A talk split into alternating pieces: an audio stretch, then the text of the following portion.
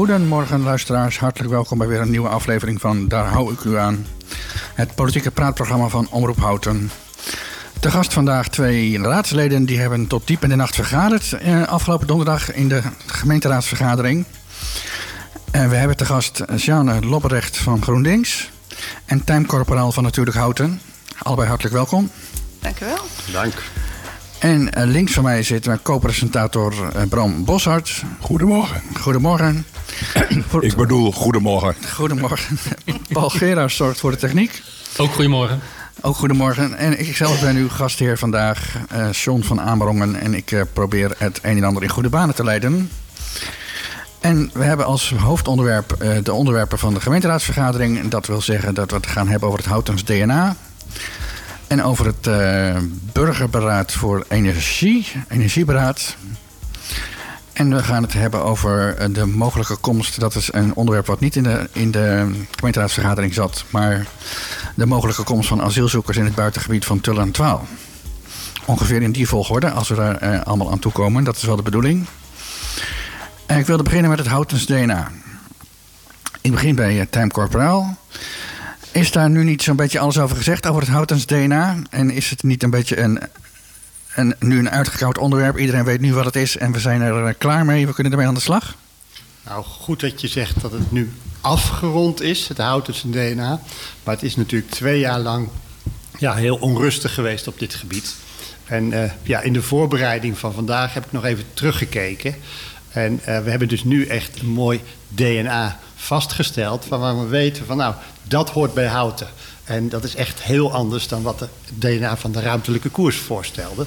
En ik vond het dus een feest uh, afgelopen donderdag om te merken van zo, hè, hè, dat, die piketpaal is nu eigenlijk eindelijk geslagen. Piketpaal, hout is DNA als piketpaal. Oké, dan gaan we zo nog even op verder.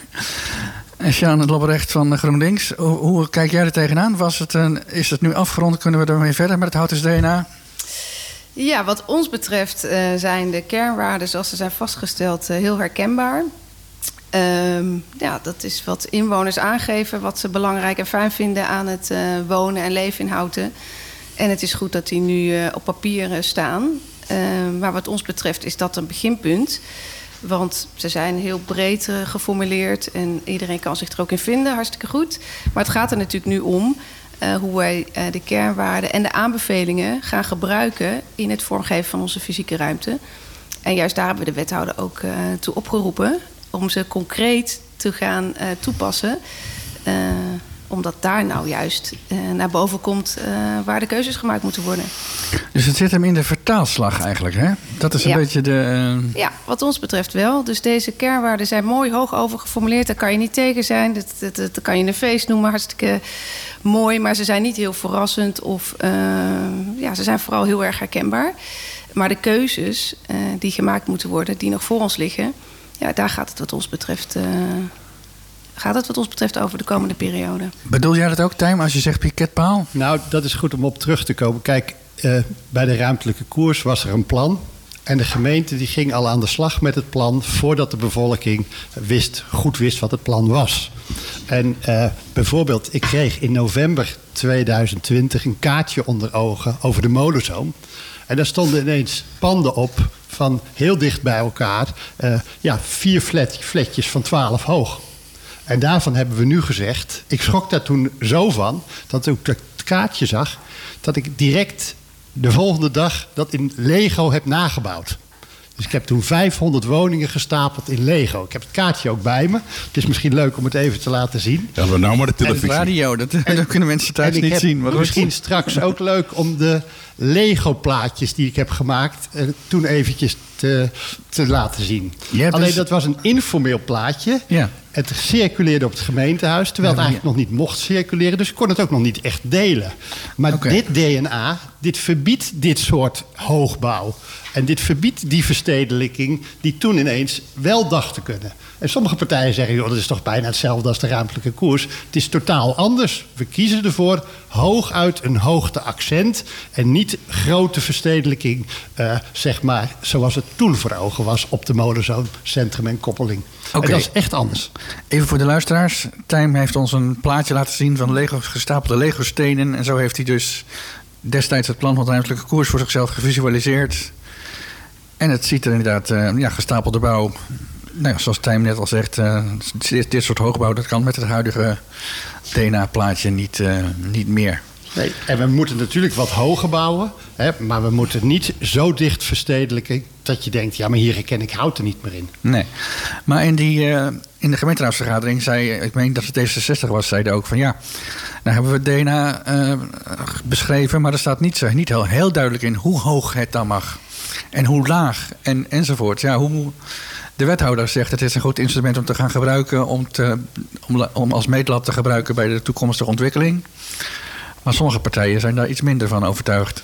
Wethouder had daar ook een mooie uitspraak over. En die zegt, ja, het gaat inhoud om het verhaal bij de bouw. Dus je kan best zeggen van we doen een aantal bouwlagen, bijvoorbeeld drie, vier hoog, en daar een hoogteaccent bij, wat past bij het verhaal. Bijvoorbeeld zoals bij het rond, hè, de torentje van Siena, zeg maar van het plein bij Siena, gesymboliseerd. Heel ambitieus geformuleerd, vind ik hoor. Tuurlijk, maar, maar het is wel, toch in de vette is het wel een bepaalde symboliek. Absoluut. En als ik gasten heb, dan zeg ik ook, eh, doet dit je ergens aan denken? Nou, en dan is het toch wel leuk om dat verhaal te vertellen. Hè? En, en, maar dat is heel anders. Hier zit geen verhaal in wat ik uh, liet zien net met die, met die Lego-stenen.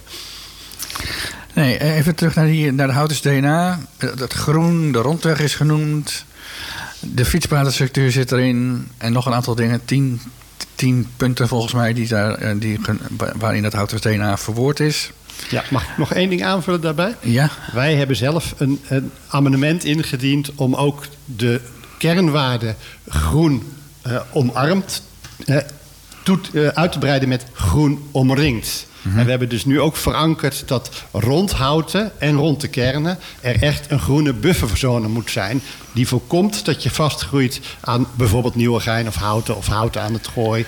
En dat is ook echt fundamenteel anders dan in de tijd met de ruimtelijke koers. Dat amendement heeft de stemming uh, gehaald? Die heeft het gehaald met uh, 30 stemmen voor en 1 tegen. Uh, mag ik misschien ook wat vragen? Het, ik, ik verbaas mij dat. Um dat vorige week is ditzelfde onderwerp natuurlijk aan de orde geweest bij uh, Omroep Houten. In de discussie die uh, met meneer Gauzen, maar uh, met Marcel Gooswillige en Eve is voort. En daar zag ik al meteen de splitsing van, joh, je kan ervan maken, zeker Marcel zei dat met heel expliciet, je kan ervan maken wat je wilt. van het Houtense DNA. Er is niets spannend nieuws, wat je net zegt, Jean. Um, het is eigenlijk een vanzelfsprekendheid wat er is opgeschreven. Dan staat er voor uh, de raad, uh, verdedigt het hele DNA-verhaal door uh, mevrouw, onze wethouder, hoe heet ze? mevrouw Molenaar. Molenaar. Rosa Molenaar, excuus. Die woont notabene in, in Tullen en Twaal en die komt uit Den Haag. En die staat er dan alle mogelijke moties voor de mensen die in Houten ge geworteld zijn, geboren en getogen zijn af te wijzen. Ik begrijp het niet. Wat gaat er nou van dat DNA daadwerkelijk? Zeg ik terecht, terecht Tijn, dat, ik, dat je dat zegt. Ja, ik vind dat het anders moet. Maar de ene partij zegt zus, de andere partij zegt... wat gaat er van terechtkomen wat nou echt het Houderse DNA is? Is het nodig geweest dat het Houderse DNA zo mooi op de kaart werd gezet door een enquête? Nou, als je het aan ons vraagt, um, dan wa was het niet per se nodig geweest, omdat er dus niet heel veel verrassend uitgekomen is. En ik weet dat er ook partijen zijn die zeiden, nou, dat had je als college misschien ook wel zelf kunnen opschrijven, want er is heel veel bekend. Um, dus zoals het nu geformuleerd staat, um, ja, dat is niet weinig verrassend. Daar kunnen heel uh, veel mensen zich uh, in vinden. En het gaat er natuurlijk om hoe het toegepast wordt. Het is niet een. Ja, ik, de woorden die Time gebruikt als dit verbiedt dit of dit verbiedt dat, dat is helemaal niet hoe het document is opgesteld. En ook niet hoe het is um, volgens mij als instrument bedoeld is. Verbieden klinkt als uh, wet en regelgeving. Het is mm -hmm. bedoeld als richtlijn. Hoe willen we in de fysieke ruimte uh, in houten wonen? En dat is vooral aan de hand van die kernwaarden. En de aanbevelingen en daarom ben ik het wel eens met de heer Van Gooswillige. Je kunt erin lezen wat je wil. In de aanbevelingen staat dat je juist gestapeld moet bouwen. Eh, omdat we aan de woonopgave moeten voldoen voor bijvoorbeeld senioren en uh, starters. Uh, nou, die zijn juist op zoek naar appartementen. Dus gestapeld bouwen is juist iets wat je met dat houten uh, DNA in de hand uh, juist kunt gaan opzoeken nu. Dat vind ik er positief aan. Maar Hetzelfde via, geldt. Ga je gang. Nou, hetzelfde geldt voor groen omarmd en groen omringd. Dat is een motie die wij ook, of een amendement die wij ook ondersteund hebben. We vinden het heel belangrijk dat juist wat inwoners zo belangrijk vinden, dat groen buiten houden. Je fietst zo hier het groen in, uh, dat dat versterkt en uh, behouden wordt. Dat betekent dus dat je uh, meer energie nodig hebt om te bouwen binnen verstedelijkt en reeds ontwikkeld gebied. Om juist te behouden wat zo belangrijk is, namelijk die groene kant. En dan is aangroeien aan Bunnik voor ons dan toch altijd nog steeds een beetje een vreemde uh, beweging. Aan Bunnik, maar aan, aan, aan, aan Nieuwegein, aan Utrecht. Ja, die zorg... En, en dat is wel voortschrijdend inzicht. Want nou, ik, ik heb, gister, ik heb moties sorry, en amendementen... als ik heel even mag uitpraten... maar er is toch heel duidelijk gevraagd aan natuurlijk houten... bedoelen jullie met uh, groen omringd... He, dus die buffers om hout heen niet alleen de grote angst voor aangroeien aan Utrecht en Nieuwegein, ook uh, aangroeien aan de oostkant. Ja, we bedoelen met Groen omringd ook dat we niet willen aangroeien aan de oostkant aan Bunnik en Oudijk. Dus ja, wat ons betreft staat dat ook in het Houtens DNA. Dus... Groen, groen bouwen ja. aan Nieuwegein, of uh, vastbouwen aan Nieuwegein... dat komt zo direct aan de orde in, de vlucht, in het kader van de vluchtelingen. Ja, maar, maar wat, wat, is het wat is het interessante is... Uh, kijk, tussen Bunnik en Houten zit echt nog kilometers. Er zit echt kilometers tussen. Maar tussen Nieuwegein en Utrecht zitten geen kilometers. En dat stuk, toen ik nog bij GroenLinks zat heb ik daar moties en amendementen ingediend om de rondweg niet te verleggen en die bufferzone bij uh, Oud-Wulven te beschermen. Die werden afgestemd. En daardoor heb ik GroenLinks verlaten. Nu zegt GroenLinks, we willen die bufferzones wel. Dat is voortschrijdend inzicht. Maar laten we wel wezen, daar is wel een tijd voor nodig geweest. Dus dat is de reden waarom ik zo blij ben. Want dit is eigenlijk gewoon, nu is het wel verankerd. En toen wilde het college dat niet verankeren. Die dacht gewoon de rondweg te verleggen. Ja, daarom zeg ik wel, dit is fundamenteel anders. Ja, fundamenteel nou, anders. Sjaan? Ja, ik zie jij wel allemaal. Nou, volgens mij is het inzicht helemaal niet fundamenteel veranderd. Het is altijd gezegd om uh, de ruimte en de creativiteit op te zoeken in verstedelijkt en reeds ontwikkeld gebied. En dat betekent niet bouwen bij in de groene zones bij uh, het Voort het Hemeltje. Hè. Dus dat is hartstikke belangrijk om dat te behouden. Juist ook voor recreatie en uh, het verhogen van, van biodiversiteit en natuur. Maar. Um, nou ja, daar, nou, waar, al echt helemaal niks daar waar, al, waar al ontwikkeld is. Ja, Time heeft het over uh, het verleggen van de rondweg. Als ik voor GroenLinks spreek, dan is het behouden van groen uh, hè, om, om houten heen heel erg belangrijk. Omdat wij het versterken van dat uh, Kommerijnlandschap juist een kracht vinden van Houten en ook van haar inwoners. Dat hebben we misschien zelfs nog meer nodig als we gaan groeien. Uh, maar wij zeggen, zoek meer creativiteit en meer mogelijkheden binnen verstedelijkt en reeds ontwikkeld gebied. En, Dan oh, nog heel eventjes, wil ik dat nog even duidelijk hebben. Martijn zegt net, ja, ik ben niet voor niks bij GroenLinks weg. Wat is dan nu de essentiële verschil ten opzichte de, van de houding van, in jouw optiek van GroenLinks... ten opzichte van het moment dat jij nog GroenLinks uh, gemeenteraadslid was.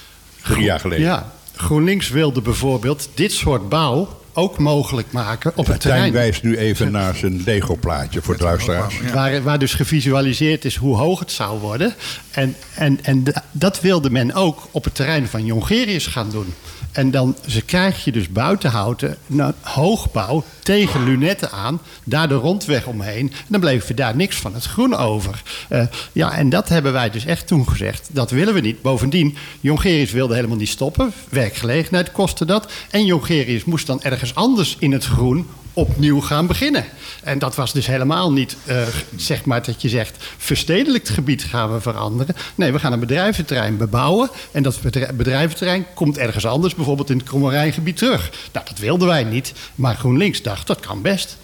Nou, nog één keer repliek dan. Van. Dan ben je zit zo met je hoofd te schudden. Nou ja, ja kijk, ik vind het altijd... Als je uh, hele rare verhalen vertelt. Ja, nou, ik vind het zonde dat plaatjes heel erg gaan leven. Hè. Uh, en dat heeft ook heel veel gedaan in de beeldvorming. En dat is zonde, want daar is ook uh, angst mee gezaaid. En uh, miscommunicatie, en dat is jammer. De oproep van GroenLinks is en blijft... zoek creativiteit in uh, ontwikkeling. Hè, dus uh, gestapelde hoogbouw, dat hoeft echt niet 14 uh, hoog te zijn, maar zoek de creativiteit in gestapeld bouwen. Want dat is efficiënt, duurzaam, goedkoop en voldoet aan de behoeften van onze inwoners. Daar waar al ontwikkeld en verstedelijkt is. Ehm, dat is heel erg belangrijk, was belangrijk voor GroenLinks en is nog steeds heel erg belangrijk voor GroenLinks. En die creativiteit en dat onderzoek moet wat ons betreft veel dieper en meer plaatsvinden voordat wij gaan komen aan uh, dat open kommerijnlandschap. Dat is iets wat we willen behouden. Dat is wat onze inwoners echt heel erg belangrijk vinden. Oké, maar met de vaststelling van het houtens DNA, wat dan in de gemeenteraadsvergadering van donderdag gebeurd is, is het nog steeds mogelijk om in het centrum en in de molenzoom dingen te ontwikkelen en gestapeld te bouwen. Met tien verstanden dat dat dan misschien niet, niet heel hoog wordt, om het even zo te formuleren. Ja, wat is heel hoog, hè? Dat ja, afhankelijk van naar wie je het vraagt. Iemand zei uh, hoogbouw in hout is laagbouw in Rotterdam en uh, vice versa. Maar goed. Ja. Maar ook dat is gedefinieerd. Want er is nu gezegd wat er nu staat op de molenzoom... dat kan misschien op sommige plaatsen dubbel zo hoog worden... maar niet drie of vier keer zo hoog. Nee, okay. Dus we hebben het echt wel begrensd nu. Dan krijg je wel acht hoog, hè? Nou, hier en daar mag het iets hoger worden. Maar niet, uh, zeg maar, allemaal acht hoog of allemaal zes hoog. Nee, dus, maar dat is, niet wat, dat is ook volgens maar, mij niet uh, de bedoeling. Nee, dat lijkt me niet. Dat, dat, in het plan wat er lag. Volgens hout is DNA niet de bedoeling. En in de ruimtelijke koers lag dat wat anders. Maar Juist. goed, dat, die, die, die is van tafel. Hè? Die is gelukkig nu van tafel. We hebben het er nog steeds over, maar de ruimtelijke koers is eigenlijk dus van tafel. we gaan echt een nieuwe tijd hier. Nee, nie, nie, nieuw elan.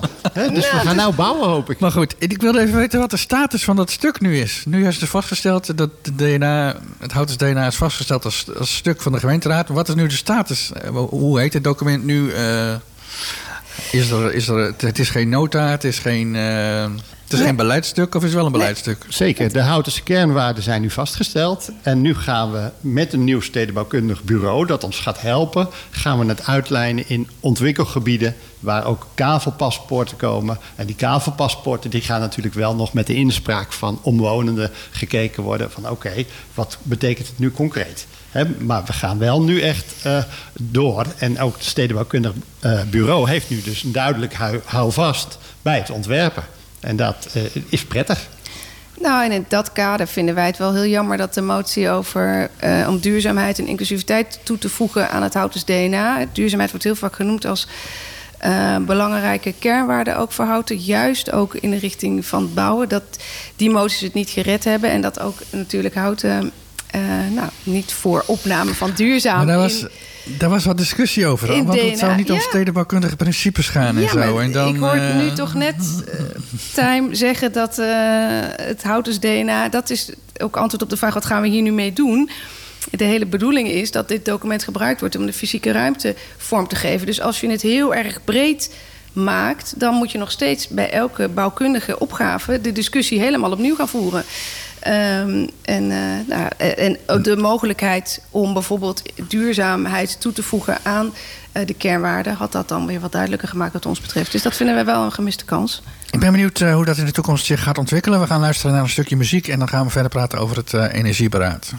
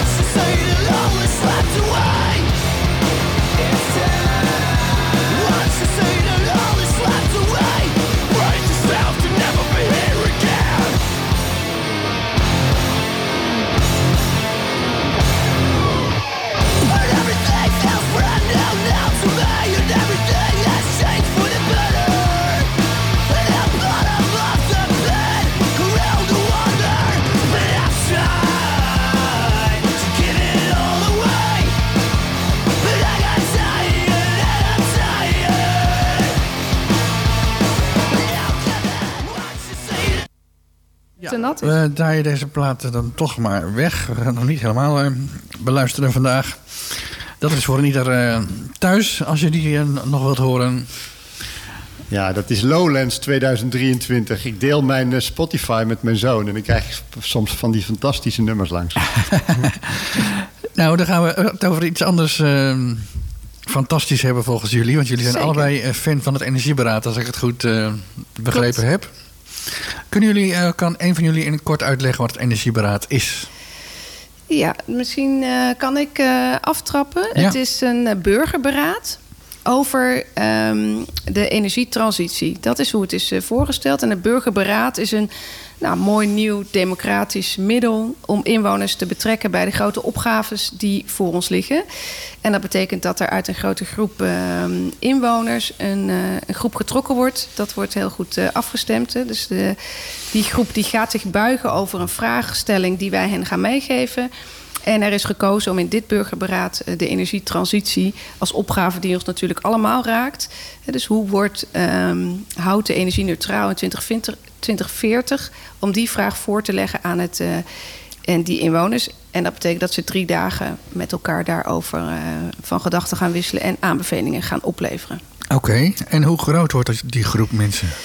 Eh, ja, de, de groep die wordt aangeschreven uit mijn hoofd, hè, dat wordt ook allemaal eh, goed statistisch eh, verantwoord Aanselect en zo, aanselect en ja. getrokken. Dat zijn iets van 5000 eh, inwoners uit mijn hoofd. 5000 inwoners, zo. En daar wordt een groep van 150 inwoners uiteindelijk uitgekozen, die dus die dagen met elkaar in gesprek gaan. En uit die groep wordt door die groep zelf weer een groep van 25 inwoners gekozen, die dan nog een stap verder gaan om te in co-creatie, zoals dat heet, met ambtenaren eh, verder te verdiepen. En dan gaat het om initiatieven ontwikkelen in het kader van de energietransitie. Nou, dat is wel een van onze. De, op- de opgave is eigenlijk, of de vraag aan deze groep inwoners is dat ze met een antwoord komen en met een routekaart hoe houten energie neutraal te krijgen in 2040. En wat ons betreft, wat GroenLinks betreft, en wij hebben daar veel literatuur en ervaring eh, op nageslagen, is dat wel een hele grote, brede vraag om deze groep inwoners dan mee op te zadelen. Want je wil van hen aanbevelingen krijgen eh, hoe dat op te lossen. Maar als je de vraag te breed stelt, dan loop je het risico dat inwoners ja, zich niet voldoende kunnen verbinden met het probleem. En ja, vooral gaan leunen op experts of ehm, eh, ja, ehm, hele vage aanbevelingen gaan doen. En dan gaat het misschien het tegenovergestelde effect hebben. Er gaat Want natuurlijk iets aan vooraf, hè?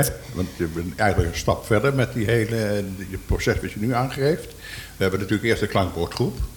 En daar zitten natuurlijk min of meer eh, betrokken organisaties in, deskundigen in. En die geven aanbevelingen welke superdeskundigen wellicht, ik noem het maar even met, eh, met wat in die term, eh, zou moeten worden toegevoegd om daar, daar maken we eerst een plan.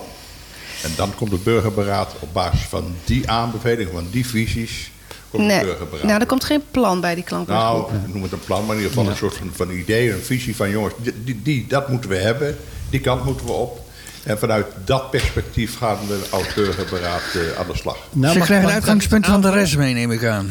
Ja, nou, Bijvoorbeeld. mag Of ik de, ja, ja, ga je gang. Kijk, want, want het idee is dus, we hebben allemaal eh, in onze regio de opgave om te denken over wat gaan we doen aan energieopwekking, energiebesparing en van het gas, gas afgaan. Alleen, eh, hoe krijg je daar nu ook de energie op gemobiliseerd? Hè? Dat, iedereen, dat het echt gaat leven bij iedereen. En door zo'n burgerberaad krijg je wel dat 150 mensen uit alle lagen van houten, alle leeftijden daarover na gaan denken. Maar ja, die hebben ook allemaal families. Er gaan brieven aan vooraf. Er komt een communicatiewebsite. Ze worden begeleid op allerlei manieren. Dus in het najaar gaat dit onderwijs, onderwerp enorm leven in houten. En dat maakt me juist zo enthousiast. En ze komen dus met adviezen die misschien niet allemaal concreet zijn. Maar wel dat we nou eigenlijk mobiliseren dat alles in houten hier goed over gaat nadenken en gaat meedoen. En dat er straks dus komt, oké, als we dus op termijn van het gas af wil- willen, hoe doen we dat dan dat daar een stappenplan voor komt? En als we willen besparen, hoe doen we dat dan met elkaar? En daar horen natuurlijk ook middelen bij, maar die komen ook vrij omdat de Rijksoverheid ook, en de provincie ook zegt, ja, dit wordt gewoon superbelangrijk. Hè, dus we kunnen ook veel doen. Oké, nou was de opgave voor jullie in de gemeenteraad was het burgerberaad, eh, althans het, het plan voor het burgerberaad goedkeuren, waarmee de samenstelling van het burgerberaad gevormd zou kunnen gaan worden enzovoorts. Maar jullie hebben er wel lang over gesproken. Was, Mhm. dat, was dat plan zo onduidelijk om een burgerraad te vormen, burgerberaad te vormen? Of was het, eh, Nou, wat, wat, wat, wat maakte dat jullie er zo lang over gesproken hebben? Dat is een hele goede vraag. Omdat we zo Ehm, laat begonnen. nou, ja, maar goed. ja. Maar dat dan nog, dan nog het, was, het was tegen 11 toen jullie aan het onderwerp zouden gaan beginnen. Ja. En toen, eh, en, en, maar je zei zegt net dat het dat nog tot twee uur, kwart voor twee Ja, uur geduurd omdat er heeft. ook gestemd moest worden natuurlijk. Hè? Dus, dus zeg maar... Ja, maar stemmen gaat meestal heel snel. Ja, dus de DNA hebben we zo'n 2,5 uur over gedaan. En het burgerberaad hebben we zo'n 2 uur over gedaan. Maar er waren Zo, wel ja. wat amendementen. Bijvoorbeeld een schrikbeeld van ons was dat je zegt van ja, je brengt de burgers bij elkaar. En daarna een selecte groep burgers die het verder gaan uitwerken met de ambtenaren. Zonder terugkoppeling aan de totale groep. Dat wilden we niet. En daar hebben we een amendement voor ingediend. eh, dat de totale groep nog gaat zeggen van... oké, dit worden onze adviezen Dat abonnement is aangenomen. aangenomen. En daar zijn we ook blij om. Eh, Want ja, nu krijg je... Nou, dat zijn dan de adviezen van die groep. En daar kunnen we eenduidig daarop doorborduren. ja. Dus het is... Maar Ja, ga je gang. Nou, ik, ik denk dat een andere reden, eerlijk gezegd, waarom het eh, eh, zo lang geduurd heeft, is dat, het, eh, dat er wel een hele korte tijd een plan eh, op ons af is gekomen. Ja, wat nog niet helemaal op alle punten helemaal voldragen en, eh, en rijp was. Hè. Dus drie dagen voordat het eh, eh, plan in de raad kwam, is er nog een aanvullend memo gekomen van de wethouder met aanvullende inzichten. Het is best een heel groot onderwerp. Wij zijn heel erg enthousiast over dat dit onderwerp gaat leven. Het is ook heel belangrijk voor iedereen dat die energietransitie eerlijk gebeurt. Maar het, is, het burgerberaad als middel is vrij groot. En ook een duur Ja, middel. ja, ja. En het onderwerp is groot. En dus wij hebben wel, hadden wel wat zorgen dat snelheid niet voor eh, kwaliteit gaat. Hè. Dus de, de, de uitnodigingen moesten eruit. Maar er waren nog genoeg onderwerpen om over van gedachten te wisselen. En ook. Nou, Het proces is uitgebreid besproken dan. eh, ja, maar ook bevo- eh, eh, nou, bijvoorbeeld over de vraagstelling die er nu ligt. Daar is echt, denk ik, het laatste woord nog niet over gezegd. Want die is gewoon nog heel erg breed. Onze motie heeft het daarover niet gehad. Overigens de motie die natuurlijk Houten daarover heeft ingediend... met de concrete aanbeveling van de wethouder heeft het ook niet gehaald. Dus daar hebben de coalitiepartijen blijkbaar eh, ja, toch een ander beeld bij. De, de wethouder die dit eh, onderwerp eh, heeft is eh, van Ruitenbeek, hè? Paul Ja. van Ruitenbeek. Ja. Ja. Nou, kijk, en het memo was eigenlijk... Er waren, er waren twee dingen die eigenlijk denk ik niet goed geregeld waren. Het eerste was dus waar we op abonnementen voor hadden ingediend. Terugkoppeling aan de totale groep. Tweede was eh, het onderwerp hoe doen de jongeren mee? En de jongeren waren nu eigenlijk niet... Vanaf, vanaf 20 jaar mocht iedereen meedoen. Maar de groep 14 tot 20 was in het oorspronkelijke plan... zouden via een enquête worden eh, benaderd. En daar is van gezegd, nee, dat moet toch jonger. En sommige partijen die wilden vanaf 16. Hè, Marjan Boonstra van D66 had daar een amendement voor. Jongeren van 16 gaan meedoen. En anderen dachten, ja, je bereikt jongeren beter met een enquête... en dan vanaf 18 jaar.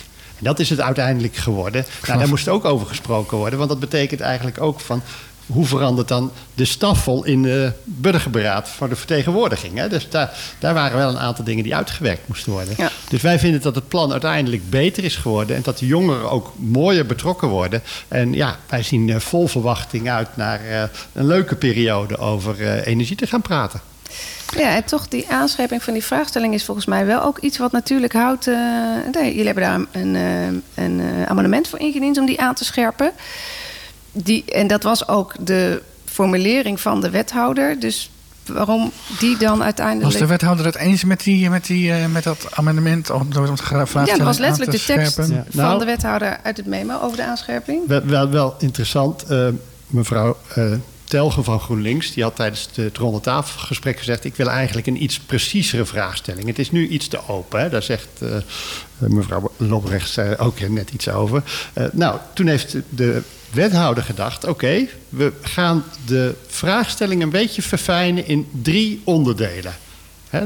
Vanaf het, het moet over gas gaan, het moet over besparing gaan en het moet over opwekking gaan. En we zeggen, formuleer op alle drie die aspecten adviezen. En dat heeft het niet gehaald in de stemming. Dus de vraagstelling is nu gewoon gebleven. eh, hoe krijgen we houten energie-neutraal in 2040? Het tegelijkertijd zijn deze drie onderwerpen wel even weer in het debat goed benoemd en staan bij iedereen op het netvlies. Ja, maar inwoners, kijk, het, de zorg zit hem in. eh, en dat heeft dit, dit middel ook een beetje in zich, die burgerberaad. Als je burgers met een onmogelijke opdracht drie dagen lang, een te grote opdracht, eh, op pad stuurt, dan loop je het risico dat je uiteindelijk je doel voorbij schiet. Want wat je wil is dat inwoners echt, dit betrokken inwoners, het gevoel hebben: wij kunnen op deze vragen antwoorden formuleren. Eh, en daar voelen wij ons gecommitteerd toe. Dat die kennis hebben we, die, die kunde hebben we. Eh, en dan helpt het als je als college of als opdrachtgever, als raad eigenlijk wat meer stuurt in nou, dit is de het problematiek op die routekaart naar eh, houten energie-neutraal in 2040. Dus dat vonden wij een gemiste kans. En wat ons betreft is daar dus ook nog niet het laatste woord over gezegd. Want het is wel heel erg belangrijk dat dit. Wij zijn net zo enthousiast als eh, natuurlijk houten, dat het het middel slaagt en ook het onderwerp slaagt. Hè? Dus dat je ook echt iets eh, terugkrijgt. Burgerberaad is volgens mij nieuw voor Houten, of niet? Dat is nog niet eerder gedaan in Houten. Nee, het is wel een keer eerder gedaan. Daar werden wij op. eh, daar, dat eh, werd toegelicht. Het is in 2014. Ja, bij onze de visieontwikkeling van Houten 2025 is ook, eh, zijn de burgers ook heel erg betrokken geweest. Hè, met allerlei bijeenkomsten. Dat was die sessie in, in, in Houten toen, Ja, bedoel je? Dat, ja, dat, dat, heet, ook, dat, dat heet ook burgerberaad. Een Ja. andere vorm misschien, Ja. maar Ja. dat, dat is ook... En, en, en natuurlijk, eh, het is nu wel een heel mooi om het op deze manier weer te doen. Want wij hebben in het collegeprogramma ook gezegd... we willen op allerlei manieren participeren. Ja. Hè, maar in de vorige periode werd er natuurlijk ook op allerlei manieren zeg maar, geparticipeerd. Alleen daar ging het in de eindfase een beetje mis. Hè? Dat was echt de te vrije vertaling... waardoor burgers ineens verrast worden. En dat moeten we nu voorkomen. Zitten we weer op de ruimtelijke koers? dat ding is van tafel, bij dan komt hij weer voorbij. Burgerparticipatie is ook dat ze weten wat gaat er gebeuren. En in dat kader misschien nog even een aanvulling. Wij eh, als GroenLinks waren heel erg voorstander en hebben ook de, het amendement of de motie gesteund. Pardon, van D66 over juist jongeren vanaf 16 jaar betrekken bij burgerberaden. wordt ook heel veel gedaan in allerlei burgerberaden al. Helemaal als je het over dit thema hebt. Want deze jongeren van 16 nu, die zijn 2, 33 eh, in 2040. Het gaat dus over hun toekomst en hun eh, kinderen. En eh, nou ja, de eh, expertise laat, en kennis laat gewoon zien dat jongeren van 16 al heel goed in staat zijn om creatief mee te denken.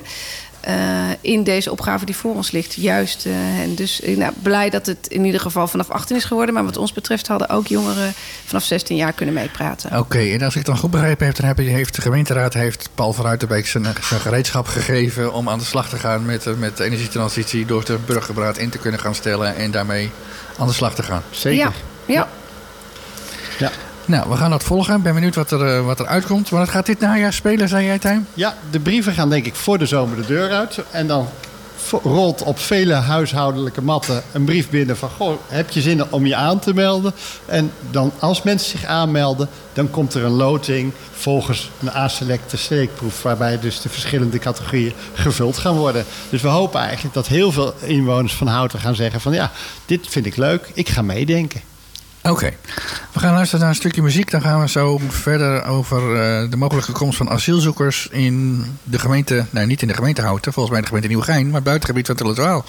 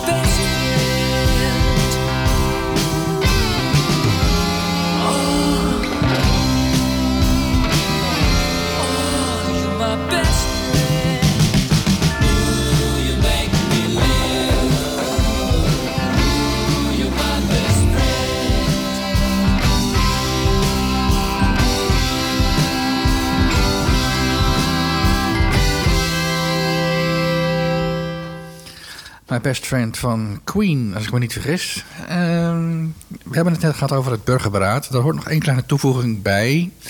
Het burgerberaad gaat aanbevelingen opstellen voor de gemeenteraad. En de gemeenteraad gaat uiteindelijk de besluiten nemen die er dan bij horen. Die moeten gaan leiden tot eh, verdere stappen in, op het gebied van energietransitie. Klopt. En daarvoor is het nodig dat je als gemeenteraad dus ook vertrouwen hebt in eh, de inwoners. Dat, nou, eh, dat zij met die aanbeveling kunnen komen. En dat is eh, misschien soms best spannend, maar het was heel goed dat we daar met elkaar ook over gesproken hebben. Ja. En dan hebben jullie dus ehm, er lang over gesproken dat het proces ook ter sprake gekomen is. Zeg maar, het proces van, die, van, die, van het komen tot aanbevelingen en welke mensen er dan in zouden zitten, welke categorieën en dat soort dingen is allemaal besproken. Ja, we wilden gewoon dat dat proces echt duidelijk is. Hè, van oké, het burgerberaad gaat aan de slag. Er wordt iets opgeleverd. En dan gaan wij met dat opgeleverde product, waar de burgerberaad ook achter staat, hè, dat product van hun, eh, daar gaan wij dan op voortborduren. En dat- daar geen ruis in de, op de lijn komt vooraf. Maar dan moet je wel zeggen, als eh, gemeenteraad en als college, ja, we nemen het uiterst serieus. En bijvoorbeeld niet, ja, als we nou zien welke 150 mensen meegedaan hebben, dan denken we er toch geheel anders over. Hè? Je moet het proces wat dat betreft echt vertrouwen van dat dat goed gaat en een goede afspiegeling is van wat er in Houten gebeurt. Ook omdat het zo transparant is allemaal. Hè? We, gaan dit, we kunnen dit allemaal op allerlei manieren gaan volgen, omdat er ook mooie websites worden gemaakt. Ja, ja. Dus ja, dit gaat echt leven in het najaar. En de wethouder die kan aan de slag met zijn burgerberaad. Die kan zijn mensen uitnodigen. En de mensen kunnen dan eh, beginnen met eh, besprekingen en, de, en het, de start van het, eh, Ja. van het proces, zullen we maar zeggen. Ja. Ja. Ja, en misschien nog één toevoeging. Er worden ook wat opnames gemaakt, zeg maar, eh, ook al bij de laatste ronde tafelgesprek, omdat de Rijksdienst van de energietransitie, eh, die zegt ook, ja, wij vinden het belangrijk dat we bevolking erbij gaan betrekken. En wij willen zo'n proces ook graag wat volgen, omdat misschien Houten ook lessen gaat opleveren voor andere gemeenten of provincies. Dus eh, ja, het wordt ook echt goed ondersteund, denken we. en dat vinden we ook mooi. Oké. Dan gaan we naar een ander onderwerp. Mijn collega-presentator die eh, zorgt ondertussen voor wat koffie. Maar het is een onderwerp wat hem na aan het hart gaat. Het buitengebied van Tullentwaal. Hij woont er zelf. Eh, de gemeente Houten heeft een groot buitengebied in Tullentwaal, zullen we zeggen. Om het even zo te formuleren. En nu zijn er plannen, of zijn er plannen, er gaan geluiden dat er mogelijk asielzoekers komen in dat buitengebied. Maar dan wel op het gebied van de gemeente Nieuwegein. Hoe staan jullie daar tegenover? Wat zou dat voor Houten betekenen als dat, eh, als dat doorgaat? Ja, nou eigenlijk twee, twee dingen. In de eerste plaats, er is landelijk een groot probleem. Echt een groot probleem met opvang van vluchtelingen en asielzoekers. Ehm, en wat wij als Houten hadden, eh, was natuurlijk een plan op de Essenkade dat niet doorgegaan is. Maar wat een heel mooi geïntegreerd plan was. Van je vangt mensen niet alleen op, maar je zorgt ook dat er een ondersteuningsstructuur omheen zit. Nou, dat is niet doorgegaan en wij zoeken naar nieuwe mogelijkheden. Dat zoekt eigenlijk elke gemeente. En nu zijn wij een beetje verrast door het plan van Nieuwegein. Dat nu met een plan komt bij HJ, bij de snelweg. Waarbij wij wel denken, ja, maar wat zijn daar dan voor ondersteuningsmogelijkheden en hoe gaat dat? Heeft men er iets te doen? Kijk, we zien wel, mensen moeten opgevangen worden, overal. Eh, maar dat moet je wel goed inregelen. En ik snap wel dat de mensen in Tullentwaal gedacht hebben... hé, hey, wat gebeurt hier? We voelen ons een beetje overvallen. En Ja. dat voelden wij ons eigenlijk ook wel. Eh, denk ik als voltallige raad. Want Nieuwegein had niet duidelijk vooroverlegd met Houten... van dit gaan we doen, hoe kijken jullie er tegenaan? Dus- Is het, is het al zover dat ze het gaan doen? Maar laten we eens even Sjaan, Dat weet ik Sjaan eh, Ja, ik ben bij die informatieavond geweest ook. Ehm, ik, De eerste of de tweede? De tweede. ehm, omdat ik het ook belangrijk vond om eh, enerzijds te horen welke zorgen er bij inwoners zijn van de gemeente Houten. En anderzijds ook te horen wat de status nu precies is van de plannen van eh, Nieuwegein.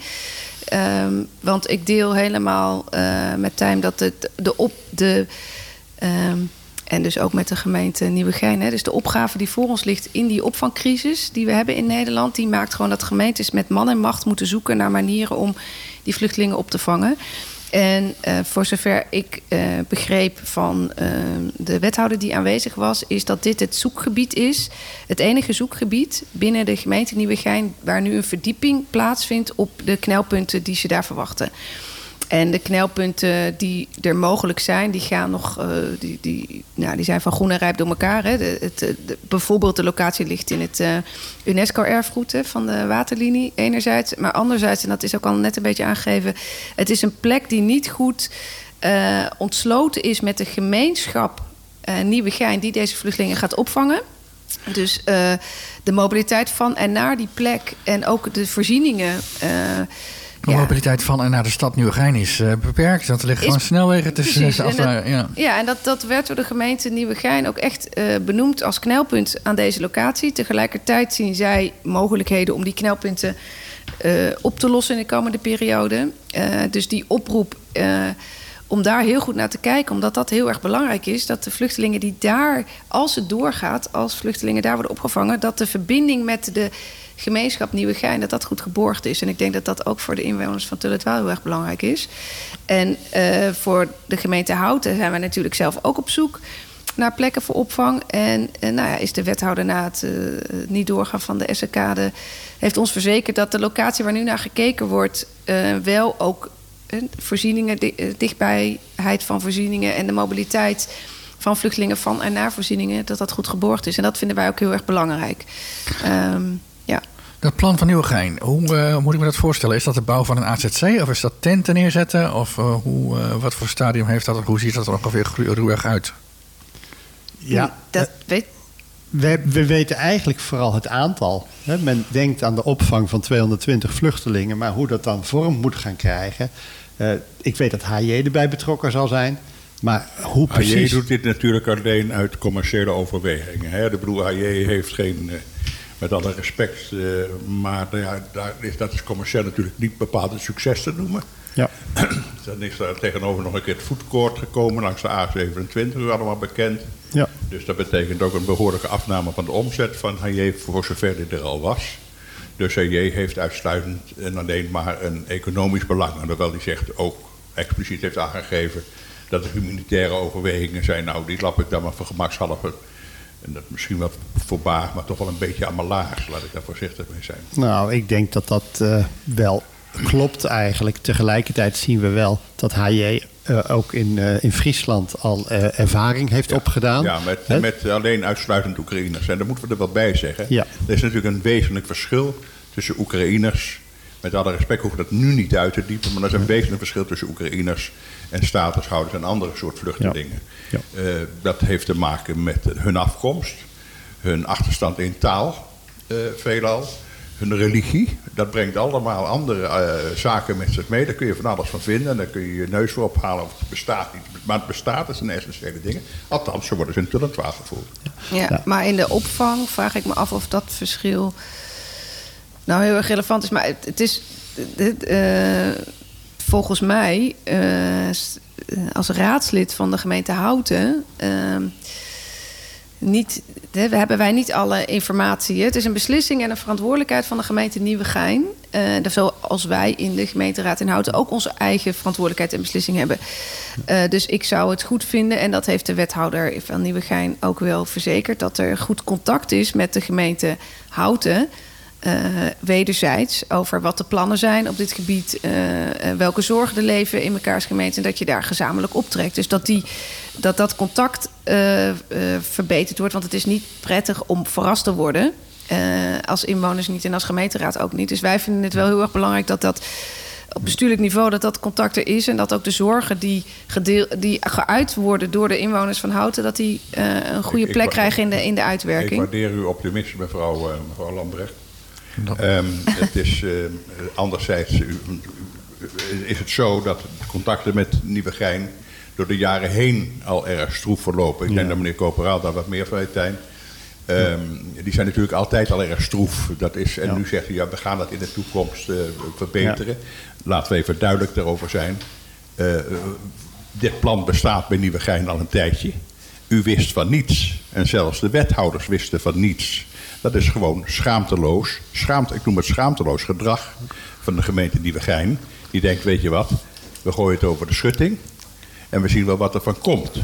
Maar misschien, misschien toch één, nuancering. Kijk, eh Nieuwegein had misschien een plan wat ze zelf ook liever niet wilden uitrollen. Alleen het begint langzamerhand zo te zijn dat de minister zegt: de nood is zo hoog, er komen zoveel mensen die zich hier melden, dat lu- lukt ons niet in de opvangcentra die we hebben. Dus wij gaan alle gemeenten van Nederland verplichten om opvang te regelen. En dat was wat wij op inzetten, is ook nog op statushouders hè, en op uitgenodigde zeg maar, eh, vluchtelingen die dan eigenlijk ook zich op termijn kunnen vestigen. Ja, die luxe die hebben we waarschijnlijk niet eens meer. Eh, eh, en ja, dan, dan is het eigenlijk wel zo dat je zegt: ja, maar is dit nou wenselijk? Nou, misschien moeten we het omdraaien. Het gaat gebeuren. Hoe zorgen we dan dat het zo goed mogelijk gebeurt? En misschien Nieuwegein hoeft nog niet te gebeuren. Maar op een aantal plaatsen in Nederland gaan vluchtelingen komen, asielzoekers komen. Terwijl eigenlijk de bevolking zegt: ja, wij zitten daar eigenlijk niet op te wachten. Maar het is zo'n grote groep. Dat gaat echt ja, om duizenden mensen die, die anders deze zomer eh, op straat slapen. En daar zijn jongeren bij, maar er zijn ook kinderen bij. En er zijn ook oudere mensen bij. En we moeten die wel humanitair blijven opvangen. En dat probleem, ja, daar, daar weten we eigenlijk met z'n allen geen goede oplossing voor. Nee, maar ik, ehm, ik, ik, ik hoor dat verhaal. Ehm, ik, ik ben zelf overigens niet bij die discussie geweest eh, die naar je plaatsvond, maar ik woon natuurlijk in Tillentwaal. Eh dus ik ken de, ken de mensen, ik, ik weet ook wat er gezegd is. Ik heb het gevoel dat er nou redelijk netjes gediscussieerd is. Dat dacht daar ik ook, Is, daar ja. is niet over, overheen, over iedereen heen gestruikeld. Er is niet gevloekt en niet getierd. Waren mensen wel wat geïrriteerd, heb ik begrepen. Maar ik kan u verzekeren dat dit een ernstig probleem in Tullentwaal is. Tullentwaal is een kleine gemeenschap. Wordt aan de linkerkant eh, nu eh, gebombardeerd door, door Fort Honswijk. Ik bedoel, waar natuurlijk van alle mogelijke activiteiten plaatsvinden. Er komen zomers duizenden gasten midden in Tullentwaal eh naar de Honswijkerplas en recreatieterreinen. Binnendijks zijn ook door het recreatieschap activiteiten gepland. En dan krijg je van de oostkant, van excuseer van de westkant, krijg je dit, deze, nou noem het ook maar een overval. Wat je er ook van vindt, wat je van Honswijk vindt, wat je van eh, vluchtelingen vindt. Dat is natuurlijk, dat doet wel heel erg veel. Als we het dan toch over DNA hebben, met, eh, in tegenspraak met wat in Tullentwaal, het Tullentwaalse DNA. Ja, nou, dat is, maar Ja. ik, ik snap de zorgen. En, we, en ik denk dat wij als Houten een verplichting hebben... dat op het moment dat die groep daar komt...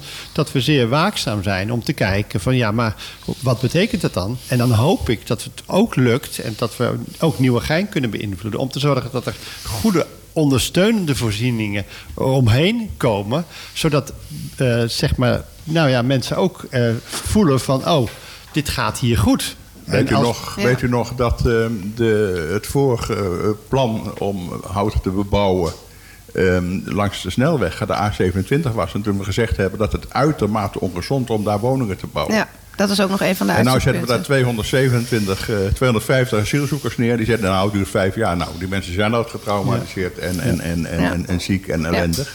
En Ja. eh, ik, ik vind het echt een... Ja. Ik heb het in de krant eh, tegen, bij een interview gevraagd, gezegd dat ik het een ghettovorming vind als dat, dat doorgaat. Ja. En, is tegelijkertijd. Heel en te- sneu voor de mensen. En tegelijkertijd, als, als het dicht bij de kern komt van Tullentwaal, hè, dan vinden mensen het ook niet prettig. Dus we kijken met z'n allen ook wel weg. We willen de mensen eigenlijk het liefst niet huisvesten. En dan gaan mensen aan de randen zoeken. Ja, waar moeten we, de, waar moeten we ze dan opvangen? Ik vind dat de mensen, ik denk vanuit het perspectief van wat in Tullentwaal, wat mijn gevoel is en wat ik hoor als ik mijn volsprieten uitsteek, eh, dan denk ik dat mensen in Tullentwaal in grote lijnen helemaal niet zo tegen asielzoekers zijn. Maar het gaat om de, eh, om, het, om, om de aantallen. Als jij twintig mensen bij elkaar zet in een kleine woongemeenschap, eh, of 25, zodat ze naar buiten toe kunnen, kunnen uitvliegen, zodat ze kunnen worden opgevangen, zodat er een schooltje is, zelfs in Tullentwaal. Ja. Daar zou er wellicht ruimte voor zijn. Maar op het moment dat je 220 mensen die getraumatiseerd zijn, die elkaar soms niet verstaan, Ja. die een andere religie hebben, van de ene s ochtends om vier uur begint te bidden en de ander begint 's middags om vijf uur te bidden en ze begrijpen elkaar niet en ze weten niet wat het over gaat, dan krijg je problemen. Daar kun je op wachten. Ja, Maar als we nou, vier, op 400 plekken 20 mensen neerzetten, dan hebben we 10.000 mensen die we op kunnen vangen. En het gaat om 100.000. Ja. Hoe doen we dat dan? Ik denk, ik denk in, als je 220 mensen hebt, kun je beter 10 kernen, kernen hebben van 20 mensen in Nieuwegein. Ja, maar Ja. Daar, daar ben ik mee eens. Alleen het, maar zou, zou je dus overal kleine groepjes moeten doen? Dat is, dan, dan, dan verlies je het zicht op mensen die nog niet de status hebben om hier echt vrij rond te lopen. Nou, en het COA heeft ook aangegeven, je hebt een bepaalde... Dus die kleinschaligheid is wel iets... is kostbaar. eh, ja, en eh, dan, dan kan je de voorzieningen ook niet goed organiseren. Dus het is ergens schipperen tussen... Wat niemand meer wil, hele grote asielzoekerscentra in bepaalde gebieden. En het dan het belasten van alleen die gemeente. En kleinere asielzoekerscentra op verschillende plekken eh, en bij verschillende gemeentes eh, in Nederland. Daartussen schipperen we. En wat is dan klein, eh, kleinschalig genoeg? Ehm, ja, 100, is dat 100, is dat 50, is dat 200? Volgens Ja. mij is het belangrijk dat de zorgen die geuit zijn goed eh, geborgd worden. En dat betekent gewoon dat de vluchtelingen die als ze bij HJ komen eh, in, de, in de nieuwe Geinse samenleving eh, worden opgevangen. En dat dat goed ingericht wordt. En dat betekent dat in Houten, vluchtelingen die in Houten opgevangen kunnen worden... want daar is ook echt wel veel draagvlak voor in de Houtense samenleving... dat wij naar een manier zoeken die eh Maar dat laatste punt... nee, hè, ik, moet, dat ik, moet nu, ik moet nu een afronden, want we zijn aan het einde van de uitzending gekomen. Oh, Dank zo jullie wel voor Ja, zo snel al. Dank jullie wel voor jullie aanwezigheid. Sjaan Lobberecht van GroenLinks en Tijm Corporaal van Natuurlijk Houten.